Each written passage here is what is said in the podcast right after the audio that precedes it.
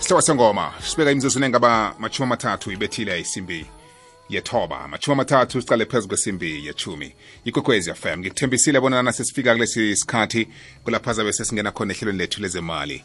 Lacobe ngelesibili livezwa ngutate khosana. Namhlanje singihlezi estudio sethu sekwekwezi fm ngithokoza khulu kwamambala ukuthi ngihlale naye estudio sekwekwezi eh begodwa-ke sizokhulumisana ngendaba yokuphatha eh kwabathengi begodwa-ke nokwakha ubudlelwano nabathengi bakho. Khulukhulu-ke nawumuntu wasebhizinisini. Ngikhuluma ngomnumzana uzilulamele wakwasinqotho eh, engihlezi naye. Mnumzana usinqotho ngiyakulotshisa ngiyakwamukela ngiyathokoza ukuba nathi kwekwezi fm nathi siyalotshisa eh, msakazi eh, silotshise namalaleli sithi makwande. Kwamambala ngikarwa yindaba yokuthi umuntu obuya e-eastern cape wathi wakhile ejohannesburg ugcine sewusifunda kancane isindebele ngokusilalela. Ngokusilalela nje ngoba nami ngumlaleli phela we- wesindebele phela sisikhethu lesi. Ya. Ngiyankara nawutsho njalo ngiyathokoza. Siyathokoza. Azeke. Mnumzana usinqotho sikhuluma nge-customer service and relations la. Eh lilimi lebhizinisi leli ungakhe nje usibeke eh, ngesithombe esihle silula ubona sikhuluma ngani?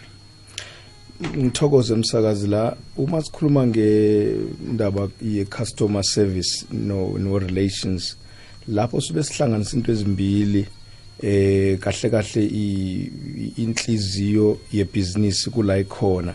Ngoba lapho sikhuluma eh ngomuntu wonke kahle kahle o osebhizinisini kanti namabhizinisi eh kuyenzeka ukuthi ibhizinisi nalo liyothenga ama product umuntu uma enebhizinisi naye uba icustomer eh ma- makunjalo ke manje sesimasithi sikhuluma ngomuntu nje yena ezimele siphinde sikhulume ne- ngebusiness ngoba ibusiness somewhere lo muntu lo naye ngebusiness lakhe uyicustomer. Yeah.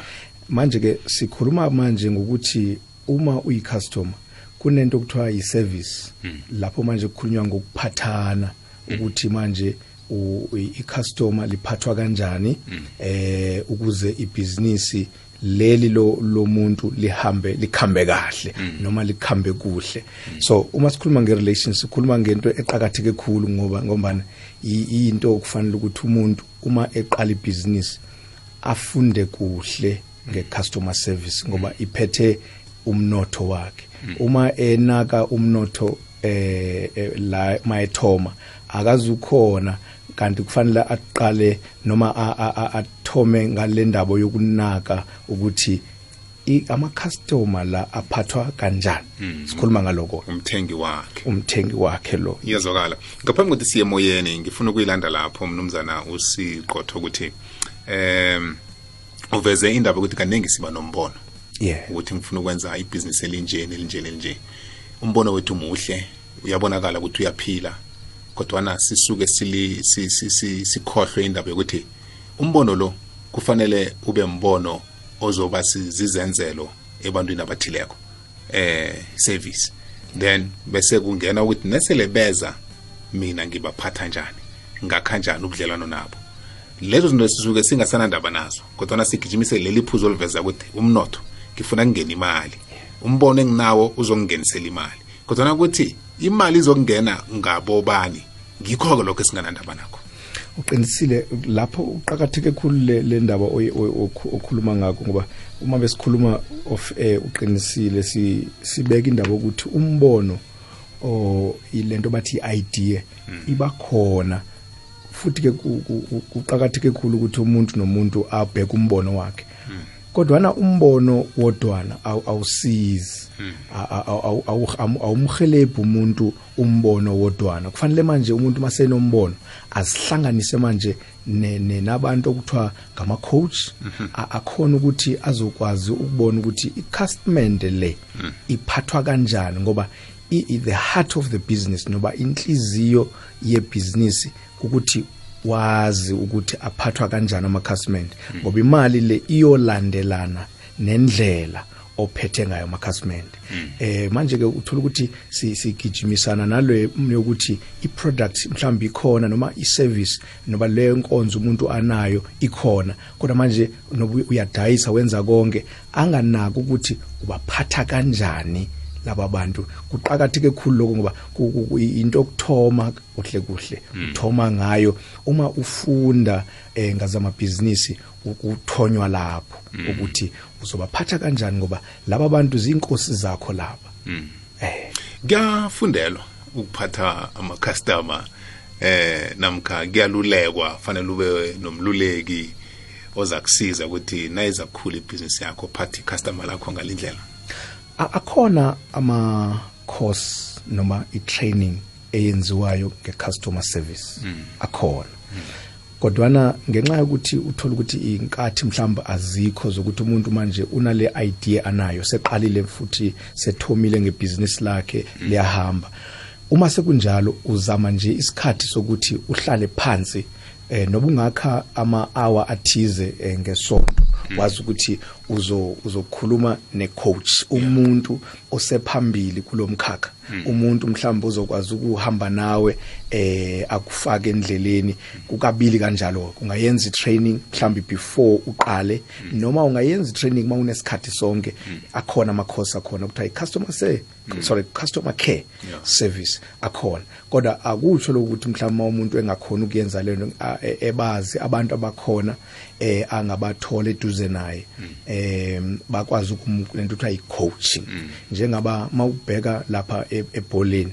Kunabantu okuthiwa ngabaqanduli. Um u- u- uma ku khuluma kahle bathi umqanduli amabandule amabanduli. Amabanduli yes. Manje lapha uma kunombanduli laphana laba bantu laba babandulwa laphana kunale coach lapha bayazi into abayenzayo. Kodwa must kube ne coach ezokwazi ukudirect ukuthi ama goals la afikelelwa kanjani. Kunento eziningi abazozithola la kwi coach idea noma iskill sikhona kodwa kubona kodwa i-coach ikhona. Uma uzozidlalela ngaphandle kwe-coach kugcina ungakhambanga kakuhle. Kwamambala iyazwakala mlaleli-ke nawe sokuboleka isikhathi sokungena ukuhambisana nathi ube nombuzo ube nomfakela.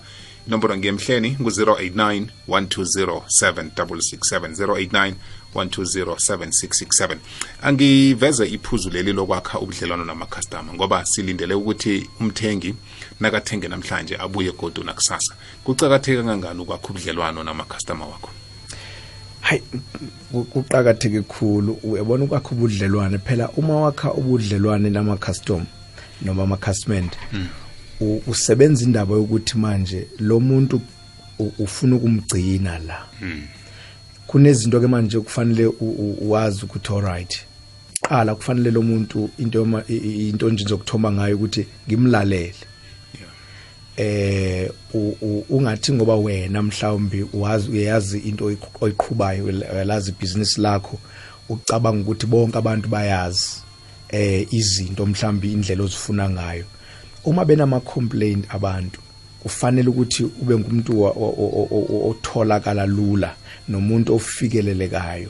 Ukuze uma bebheka wena bebheka i-product noma i-service ku- ku- ku- kuthande ukuba lula ukungena ngoba isikhathi esiningi uma ungekho lobudlelwane phakathi kwakho necustomend kunzima ku- kuba akubi lula ukungena labaye la kule service oyithengisa oyidayisayo noma mhlawumbe i-product ngoba wena nguwo obavalele phela. Kanti uma utholakala ukuthi wena uyivulile le ndlela yokuthi uyafikeleleka and indlela okhuluma ngayo nabo u- ukhuluma kuhle eh uyabahlonipha. Qhakatheke kakhulu kwibhizinisi lokho ngoba kwenza ukuthi ubone ku- kunomahluko ebhizinisini. Mhm.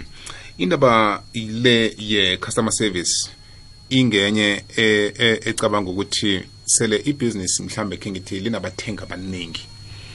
Eh into ye-demand. Aba abosomabhizinisi bacabanga ukuthi akusana sidingo sokuthi bayi bayicheche khulu indaba yokuphatha abathengi ngoba sebabaningi abathengi. Uyathenga or awuthengi bakhona abanye abazokuthenga. Bese siyakhohlwa ukuthi likhule laba nje ngabo bona laba bathengi mhlawumbe ukhasele likhulile ibhizinisi fanele ngiyikhohlwe into ye-customer service namka fanele ihlale injalo. Nanoma lingaba likhulu kangangani ibhizinisi lami? Qakatheke kakhulu msakazi lokho okubuzayo ngoba amabhizinisi amakhulu eh namhlanje uthola ukuthi li- liyakhamba ibhizinisi likhambe kuhle iminyaka mhlawumbe singathi 5 years noma 10 years likhamba kuhle. Um- umnikazi webhizinisi manje akasazi ukuthi kwenze njani selibuyele emuva ibhizinisi nabasebenzi nabo sebeqala baphelelwa ngumdlandla wokusebenza. Kulahleka i-customer service. Le customer service yinto okufanele efana ne- ne- negazi la emzimbeni womuntu okufanele ukuthi ndaweni yokuthi iphele ikhule. Eh ngoba uyithola kakhulu ngokuthi ulalele ama customer akho ukuthi yini ayilethayo noma akhala ngayo izinto. Ngoba ukukhula kwebhizinisi lakho kula ekuthini amakhasimende uwabeke la. Ukuthi ibhizinisi likhulile khumbula ibhizinisi lifana no- no- nomntwana noma lifana ne- ne- ne- ne- nesihlahla nje osikhulisako. Uyathemba lesihlahla ukuthi siyokhula kodwa wazi uma kungenzeka kufika ilanga elithisa kakhulu- isihlahla singa singa singa singafa. Uma singatholi amanzi isihlahla siyafa. Nomntwana umntwana awugcini ngesikhathi kuthiwa uzelwe emva kalokhu ukuthi uzombona nje uzozibonela. Uyamkhulisa umntwana sekhulile use use- useqade naye useduze naye lapho umbona ukuthi ukhamba kuhle. Linjalo ibhizinisi. Awuyiyeki le customer service awuyilisi ni uqhubeka nayo uragele phambili. Kwamambala yazwakala kanti-ke enye into engiyicaluleko eh jama ngithengise cangi sobuya siyithinde ingecakathekileko nayo. Ungathoma nje usidosele mlaleli siku-089 siyabuya. Sibuyile mlaleli sirakela phambili. Lihlelo lethi lezemali commerce and finance veza ngutate khosana kanti-ke namhlanje isitudio sethu sekwekwezi ngihlezi nomnumzana uzilulamele wakwasinqotho lapha omncophisi ekhampanini yesinda financial education. Eh bekodwa-ke sikhulumisa indaba ye-customer service and relation elangeni lanamhlanje ukuphatha kwabathengi bakho kuhle nokwakha ubudlelwano nabo ngendlela efaneleko. Babu sincotho yazi ibhizinisi yanamhlanje seyikhule kangangokuthi ziningi izinto ezenzakalayo ngaphakathi kwebhizinisi khulukhulu zokutholakala nokuthintana. Sinemtato sinama-email sinama-website eh sinama-social media platforms ziningi izinto ezikhona-ke ngalesi sikhathi. And ebekade zingekho ebhizinisini kade labo ukhona ukuthi icustomer ukhona ukulibona ubuso nobuso. Namhlanje elinye icustomer ukhuluma nalo emtatweni. Indlela ozokhuluma nalo ngalo emtatweni nakho lokho kuseseyindlela yokuphatha i- umthengi. Bese indlela ophendula ngayo ama-email nesikhathi mhlawumbe osithathako sokuphendula nenkulumo ozikhulumako ku-social media platform yakho wena njengomnikazi webhizinisi uzitshela ukuthi la ngikhuluma mina njengomuntu angikhulumi njengomnikazi webhizinisi kodwa nabantu basakuhlobanisa nebhizinisi lakho. Si- sidlula njani entweni ezifana nalezi? Ngithokoze khulu msakazi. U- uyabona la am- am- am- am- ama- abe- abelungu bona bakhuluma nge masithoma nje sithi telephone etiquette. Eh i- indlela umuntu osebhizinisini aziphatha ngako nge- ma ekhuluma namakhasimende qala lapha e- e- efonini le. Njengobuza ukukhuluma nabantu manje ungababoni. Akusafani nakuqala la khona kufanele umbone umuntu uthini. Uthola ukuthi mhlawumbe ngenxa yokuthi umuntu awumboni awumnaki eh ngoba u- ungale awumboni. Kanti lento yenza ukuthi konke lokhu kwasefonini ama-emails eh ne-social media yonke lama eh, ukuthi mhlawumbe u-engage kanjani lapho kuqakathekile ukuthi umuntu aku- akubheke ngeliso elibukhali ngoba kungenza ukuthi ibhizinisi lakho liwe life noma ibhizinisi lakho likhule.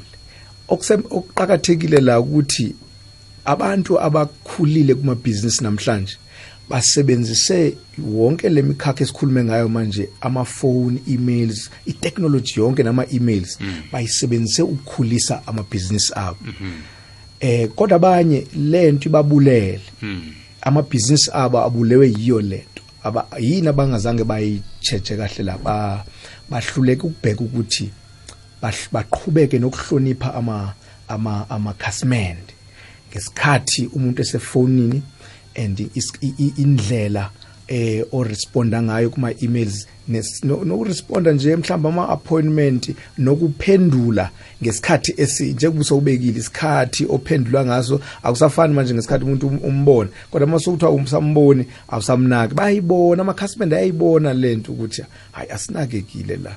Ngicabanga ukuthi nawe uyazi uma u-emaile inkampani ethize unesikhathi osibhekile ukuthi abakabuyeli kimi laba bantu. Kwenze njani?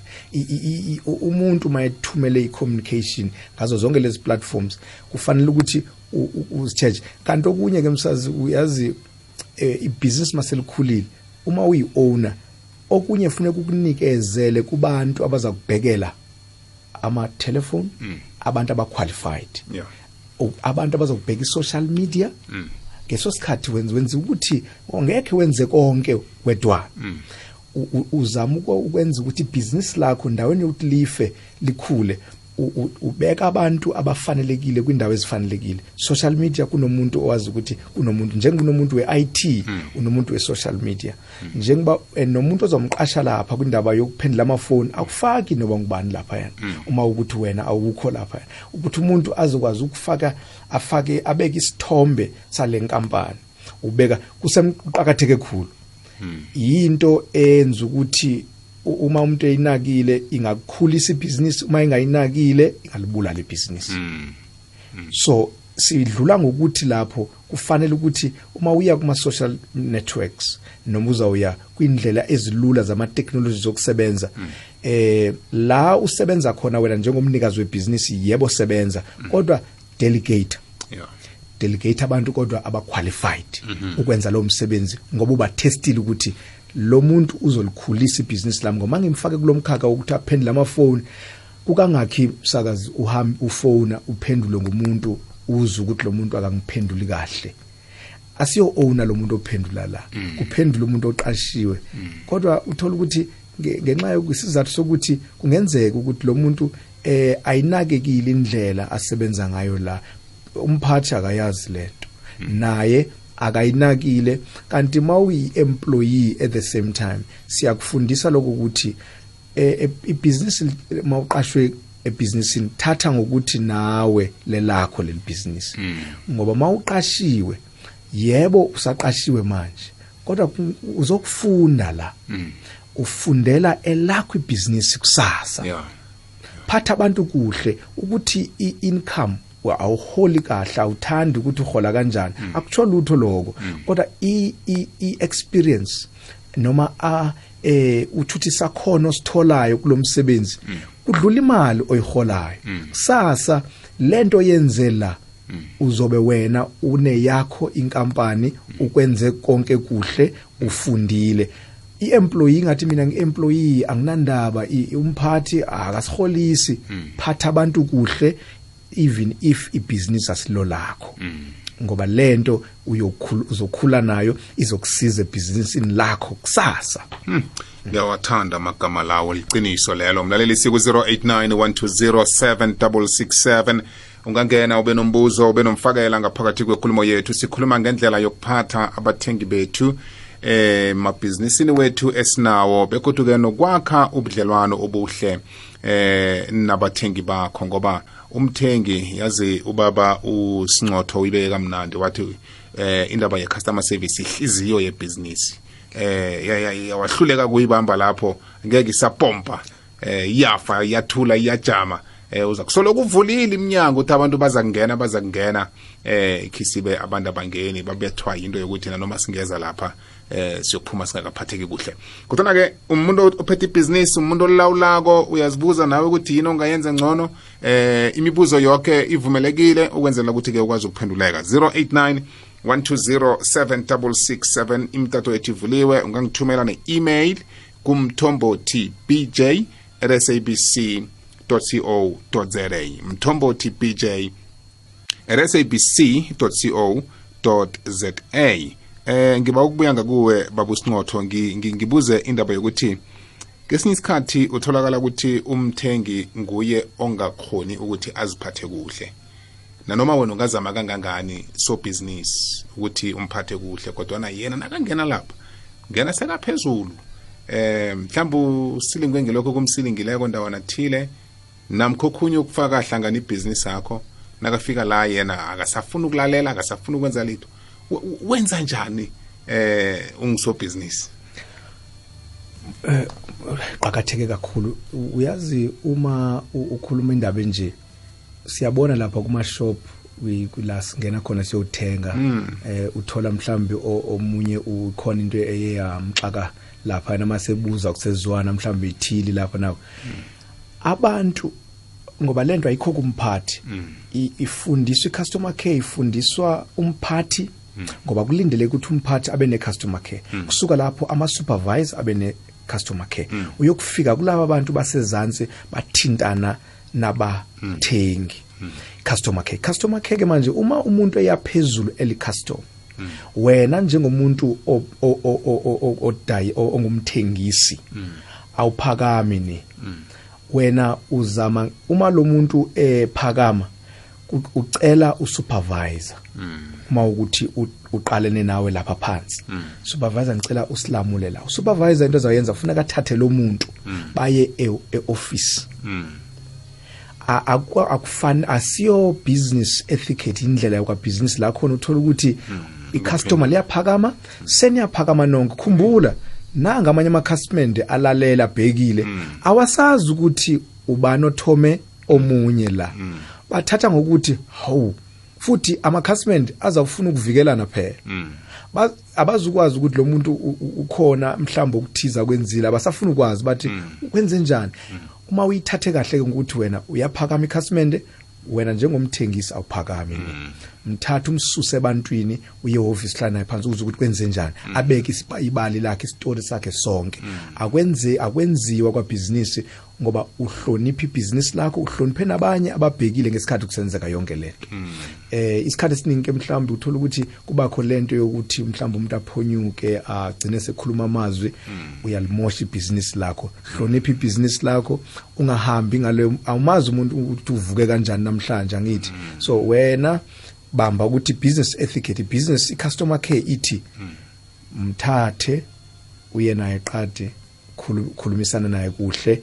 Uma engasafuni uma ukuthi ngulo phansi umuntu employee elapha ethilini mhlawumbe noma ephansi iyamthatha imsa ku supervisor supervisor seyi- seyimthatha imsa eh kophethe.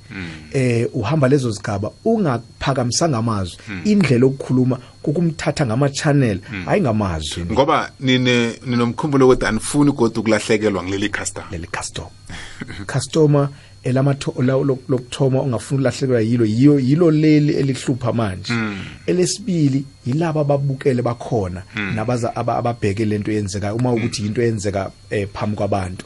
Eh ngesinye isikhathi ayenzeki phambi kwabantu eh kodwa mhlawumbe yenzeka phambi kwabanye abasebenzi abakhona eh awufuni ukumluleka lo muntu oyikhasimende phambi kwabantu bakho ngoba uyothatha ngokuthi uyamhlorisa uyabona uyam- uyamhlukumeza phambi kwabantu bakho yena uyedwa uyedwana mthathe uthi ngicela ukukubona. Azibone e- e- e- engumuntu oqhakathekile kulento ngoba ngesikhathi umthatha uyayibona inhlonipho ukuthi ikhona kule business uzokwehla abeke isitori sakhe kahle ungamthathi phezulu uma naye ephezulu. Kwamambala siyafunda ngaleyo ndlela siye emtatweni sizwe umlaleli ekhaya ikwekhwezi siyakwamukela. Bobo Tepit. Akwande kunjani? Ngiyavuka nesithekeli sakho. Sikhona siyabonga. nguJuly Mnguni eDevon okhule ngepupho kuboleka siyakwamukela july yabona bo bo niphethe isi- isihloko esima project ngiyangena nje bobo ngine 30 minutes ngibuya emazikweni waka wakahulumende. Mina nginenkinga ngamaziko ama- wakahulumende nene nalapho baba lo o- o- isithekeli siphethe khona. La engibone khona i-customer care bobo ayikho add-on. Emazikweni akahulumende isikhathi esiningi bazakulwa nawo bobo and thothi into uyayibona esinjenge-client ukuthi ngimotshakalelwe la bobo. Balwe nawo babuza i-supervisor i-supervisor nayo neyifikako noma omunye umkhulu nekafikako. Alwe a- abanawo ama-skills baze bakubizele i-security bathi security take him- take him out. Nayo into abayaziko. Singenza njani ukufundisa ngoba si- simphakathi silila nje khulukhulu ngabantu abakuhulumende okwesibili bo sithi kunekampani la la ku kune project abafundisa ngazo in terms of agriculture and so forth. Abalandeli imithetho according to isira yenza ngayo uma stipend in the life ifundiso yiphi inhlangano zaka government maze mazinganayo i-customer care na na umbuzo wambuzo okay. Sikuzwile july siyathokoza sisawuphendula. Ikwekwezi siyakwamukela? Baba David, kwande? Uvukile? kamnandi kunjani ngakuwe? Ngivukile ngilothisa nesithekeli sakho. siyathokoza. Nakanhlanhla esigodini sengonyama. i Bengingazi ukuthi entolo apha amalungelo ethu angakani, amalungelo omthengi angangani umthengisi. mm. Uyafika sometime uthi umbuza into. Athi waye ungayiqali nanga angaqali lokho. Or umbuze angakuphenduli. Bacoce kwabona la. ene wena ujamile ibi- i- izinto ozithenga uzihlele ethilini akathili ujahela isikhathi isikhathi esingebhesi yakhamba bayacoca na uthi sethi ngiyakuncenga ngicela ungithilele ngikhamba ah tani mina ngizakulisa. Mina ngeke ngibereke ngigijima. Kurare-ke ukuthi angekhe abereke a- a- agijima uhlezi musi uyakhuluma. Mm. uya uyakhulumeni uyamtshela ukuthi ngi- ngigijimela isikhathi esiso. Uthe nangeke abereke tshela abantu laba nge- u- tshela imene ngiyayichache musi. Angeke ngezethi usagijima ni. Mm. gijima ra. Akusikho ukuberekisana kose aberekisane nami ngiberekisane naye. Mm. mara ngiphuma ngiswabile sometime nento bengiyigijimela ngilate sengikhamba kancane. But lezi zinto ngiyazifuna ngizozithiya nento bengiyihabile nayo ikhambile. Mm. Mm, ngikuthabele lokhu ukusihlathululela nina ukuthi kosasenzeni nasingas singakhotofali nasithengako. Ngikuzwile maka nhlanhla ngiyathokoza. Ngiyathokoza. Phela ubusuku obumnandi. Asizwe omunye ulandelako semhathweni ikwekwezi okay sibeze uza kubuya. Silinge la right siku-089 1207667 bengulindela umbuzo wensiza zakarhulumente eh bengazi ukuthi umnumzana uSincotho- usinqotho sizowuthola. Eh ujuly ubuzile uthi mnyangweni kahulumende akusimnandi. Eh customer service ngathi ayikho lapho. Ang- ang- angazi eh nuphendula ngithini umbuzo ofana lo? Siyam simasithokoze. Liqiniso lelo siyakubona lokho siyangena. Eh noma singeke mhlawumbe sithi onke lama department kodwa siyakubona lokho kukhona. I- into eqhakathekile la ukuthi uma wena njengecustment okokuqala nathi masingena kulama department Yeah. singene ngomoya phansi u- ulazi nje ilungelo lakho. Ukhumbule njengecustment unelungelo. Njengalombuzo kamama umama- umama- makanhlanhla ya makanhlanhla eh uza amalungelo amalungelo akhona ngoba kune kunamahhovisi ok- okufaka ama complaint uma ungaphathekanga kuhle njengecustment kodwa awuqali yokucomplain yofaka izingongorehwa ngithi lento Eh. ukucomplain awuqali lapho ngokukhomplayina ngaphandle. Uma ungaphathekanga kahle hlisa umoya. Eh ifake la ngaphakathi lento ukuthi asiphathekanga kahle la asiphathekanga kahle uthathwe usiwe mhlambe kabili kathathu kubantu abangaphakathi ube sowuphuma ngoba i-department ne-department kahulumeni li liphethwe. Aliziphethanga ni ekufanele ukuthi ke manje um- umthi uwena njengomuntu ozala uzothola izinsiza ube nolwazi bangasithinta abalaleli mhlambi noba sekukusasa befuna ukwazi ukuthi uma leli department leli linenkinga bengangisizanga ngoba awu- awu- akuvumelekile ukuthi usuke nje uhambe uyo- uyocomplaina kude le. Uqala la ngaphakathi Si- uya- siyakhona ukukhomba ukuthi uma sewuzame konke awusizakali sikhomba ukuthi ke wenza kanjani. Kodwa i- kubalekile ngoba ngiye ngibone ukuthi ngesisikhathi yebo mhlawumbe uthola ukuthi ikhona inkinga la kwahulumeni. Kodwa nathi masingena sesingena sinawo lo moya ukuthi vele abazongisiza ungabisakhona ukukhuluma kahle nawe. Uma ungaphatheki kahle thatha lento uyise kongaphezulu. Buza ongaphezulu ungalwi naye nilwe. 1 2 anizwani. So uthi hayi ke ngicela ongaphezulu kwakho. Eh uma bekubizela isecurity njengoba betshilo uba bekusekubizela isecurity sekuya aba- anizwani. Kulungile ke lapho ngeso sikhathi kodwa leyo nto sokufanele ke manje ukuthi uyithathe uyise ngaphandle ngeke bakukhiphele ngaphandle. Sekufanele ke manje ukwazi ukuyireporta la sinemithetho. This week si celebrate i kunento okuthiwa yi-world consumer eh, day ngolwesihlanu nge-15th eyasekwa lapho ngo-1962 khona upresident wayephethe e-USK e-USA ngeso sikhathi uKenneth. U- u- lento manje seyi-world lama right abantu ngisho yokuthenga yofuna insiza kwahulumeni unama right kune consumer commission ekhona eh e- e- esiza la eMzansi eSouth Africa ukuthi uma ungaphathekanga kuhle noba ngoyi service noba mhlawumbe izi goods into ezithengwayo uyakwazi uyofaka i-complaints. Lezo zinto ngamalungelo ukuze ungabikho umuntu othi yena unelungelo eliqhakathekile ukudlula elomunye. Wonke umuntu uyalingana siphathana kuhle umuntu ma ngitsho upresident uyazi la khona. Upresident naye uthi akekho nga- akekho above the law. Akekho umuntu ke ngitsho kumabhizinisi kuhulumeni la sihamba khona. La sikhamba khona siyazi ukuthi umuntu nomuntu u- unala azokufuneka aphendule khona. Umoya into ebalekile ngoba umoya khasimende awubi phansi. Umoya ngala kulomuntu op- o- ofanele an- anikeze insiza naye umoya u- u- uba phezulu. Basingehlisa lo moya sizihambise izinto sizihambise ngendlela ekufanele ukuthi sikhamba ngayo. Kuyobe kuhambe kahle lapho. Njengoba ngiyivala la ngala ngalandaba lethi eh uma u- u- usebenzile ngaphakathi wabona ukuthi awusizakali. Ikhona indlela amalungelo sinawo.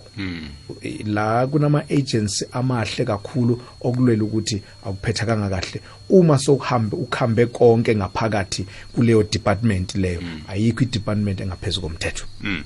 and eh, ngithanda indaba yaka makanhlanhla. Khulukhulu-ke kaningi lezi zenzeka entolo ezikulu zama-supermarkets esithenga kizo.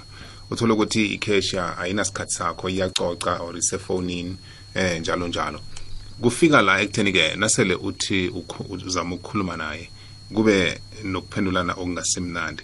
Nawuya kumphathi wakhe ku- ku- kuba ngathi uyi-customer elithanda ukungongoyila um sebakwazi nabo ukuthi lo angeke ngimsize u uzokuya kumenenja sebakubeka ithwayo ya we we wenza njani into ezifana lezo? Uthola ukuthi nomeneja naye sekakuthatha njengomuntu ha uhlala ungongoyila lo uhlala ngongo and uthola ukuthi into ongongoyila ngazo zizinto engingathana uyazilungisa ukwenzela ukuthi-ke kukwazi ukuthi kuhambe kuhle nge- ngesitolo sakhe. Njengoba besisi masithoma thoma kwethu sithome ngokuthi u- uma u- urun ibhizinisi uphatha i-customer i-customer kahle ngoba uma ungaliphathi kahle uyalibulala leli customer. Leli customer ungaliphathi kahle alizukubuya kusasa. Ngiles- leli customer ungaliphathi kahle lizokhuluma namanye ama-customer ibhizinisi lakho uyolibona lisehla kanti awazi ukuthi kwenze njani. Siqala lapho kusho ukuthi si- siyithoma indaba lapho ekuthini lo ophethe ibhizinisi umuntu lama CEO aphethe amabhizinisi laba owner aphethe amabhizinisi kufanele ba- bakubheke lokho isikhathi sonke. Uma ulikhasimende manje uzibona ukuthi awuphathekanga kahle is- i-customer care. Ayikho la. La abantu sebengijwayele futhi sebeyatsho futhi mabengibona bathi cha lo siyamazi aka uthanda vele une une unama complaint ya une une une uya uya uya uya une uthe yini? Ingongoyilo. ingongoyilo. Uyabona uhlala njalo enengongoyilo leyo nto leyo uma se isuke kulo ophansi wakusakusupervisor kwayufika mhlambi uma kuthiwa si-store manager branch manager uma ukuthi izizitolo lezi batshele manje ukuthi ngiyagcina ke manje ukukhuluma nani manje. Ngoba izitolo i-retail kun- zi- ziphethwe iyaripotwa i-service engakhange ikuphathe kuhle. Service nama-goods. Njengoba bese ngingafaka eh, i-national consumer commission ekhona ukuzama sinayo namanye ama ama ama, ama sibiza ngokuthi ngama platform oku, okusiza eh uhelebhe ama aba- aba- aba- abathengi ukuthi mabethola lezi inkinga lapha emi- e- e- emashop mhlawumbe konke benza kanjani? Uyaphumela ngaphandle ukhone ke manje ungahlangana naye ne-national commission eh, consumer commission ikwazi ukunika ikuhelebhe la ukuthi kufanele wenze kanjani ukuze bakwazi ukufunda. Ngoba ukuze mhlawumbe bafunde kufanele manje sewuza wena sowuhamba nomunye okusuka ngaphandle. Especially uma uyi- ukhambe konke ngaphakathi. Eh into engafunekile ukuthi ukhuluma ne nethila la okanye ithela sewuyasuka manje nawe uyakhamba akufuni ukukhuluma no manager akufuni ukukhuluma nabanye abantu. Angeke u- ube seyasizakala ngaphandle. Kuba kufuneka uzikhambe zonke iziteps zangaphakathi u- ubonakala ukuthi awujabuli indlela abayixazulula noba abayihlathulu aba- aba- aba- abayilungisa ngayo inkinga yakho. Seyaphumela ngaphandle kodwa asikho isitolo esinguboss. Eh kunento ngicabanga ukuthi uyayazi nawe bobo bala bakhuluma ngendaba ukuthi i-customer is, is, is a king.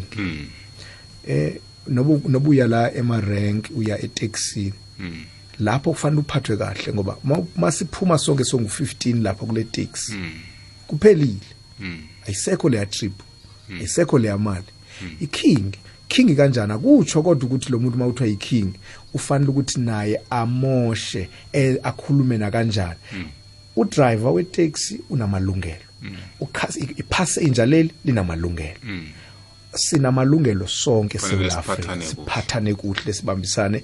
Eh leyo nto yenza ukuthi manje ama customer abuye abuye. Kunento bathi i i- word of mouth. Inamandla kakhulu ngoba isikhathi esiningi simarketa sisebenzisa ukudweba ama customer ngendlela ebiza kakhulu. Ufanele kuyo kusebenzisa imali ezin- ezinkulu ukubiza ama customer kodwa i customer care ikusiza ngoba kunento okuthiwa abantu bazokukhambisa ibhizinisi lakho ngokukhuluma ngayo kuhle. Ikhamba mahala manje lapha awukhi- awukhiphi ne- nemali em- encane lapho ngoba abantu bakhuluma ngayo ukuthi hayi mawufuna lokhu khamba uye lapha. Mawufuna lokhu khamba bazokusiza. Mawufuna lokhu fonela ubaba ubani uzokusiza. Ngoba iservice yakho i- i- ikhamba kuhle. Uma ingakhambi kuhle ku- kuyamoshakala konke. Eh baba Sinotho isikhathi sami siphelela la namhlanje ngithokoze ukukhuluma mbalo ukuhlala nawe ngithabile ngifundele itho lokukhulu eh ngikholwa ukuthi amabhizinisi wethu azokukhula chinge phambili. Bakuthola phi ke nabafuna ukuthintana nawe? Bangangena kwiwebsite yethu ka www.finaq42.com finaq42.com eh u42 inamba kodwa ke siyazi ukuthi abanye mhlawumbe uthola ukuthi abangeni kahle kwindaba zama website bangangifonela kwa 073 967 0059 073 967 0059 lawo bangakhona ungena lapha kuwebsite. Kodwa ke siya ngesikhathi thola ukuthi angitholakali ngenxa yokuthi eh ama meeting babekezela ba- abalaleli bazongithola angamanga ngithola kusasa uyongithola ngelinye ilanga abambe nje inamba lezi eh website finaq42.com makwande sithokoze kukhulu kuhambe kuhle. Khambe kuhle kukhulu hlezi naye bunjalo mlaleli ihlelo livezwe nguTate Khosana.